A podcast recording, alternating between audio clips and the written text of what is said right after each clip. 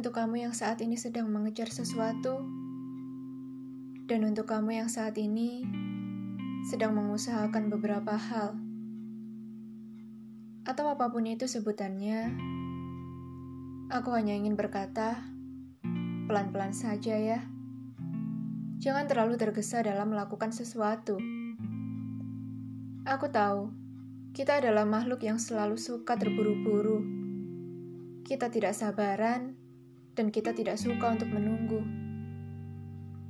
Tetapi kita juga tahu bahwa kita adalah makhluk Tuhan yang terbatas kemampuannya dalam bergerak bebas. Dalam hidup, ada waktu di mana memang harus dibiarkan berjalan tanpa kita harus lakukan apa pun. Bukan berarti tak melakukan apa-apa adalah membuang-buang waktu namanya. Jika kamu gunakan waktu itu untuk mengistirahatkan hati, pikiran, dan tubuh, aku rasa itu bukanlah hal yang salah. Aku tahu, saat ini kita semua sedang berada dalam ruang penuh ketidakpastian. Apalagi dengan keadaan bumi yang sedang tidak baik-baik saja. kita sedang berada di masa di mana terlalu banyak resiko bernama kegagalan yang akan datang. Tapi resiko dari gagal hanyalah mengulang.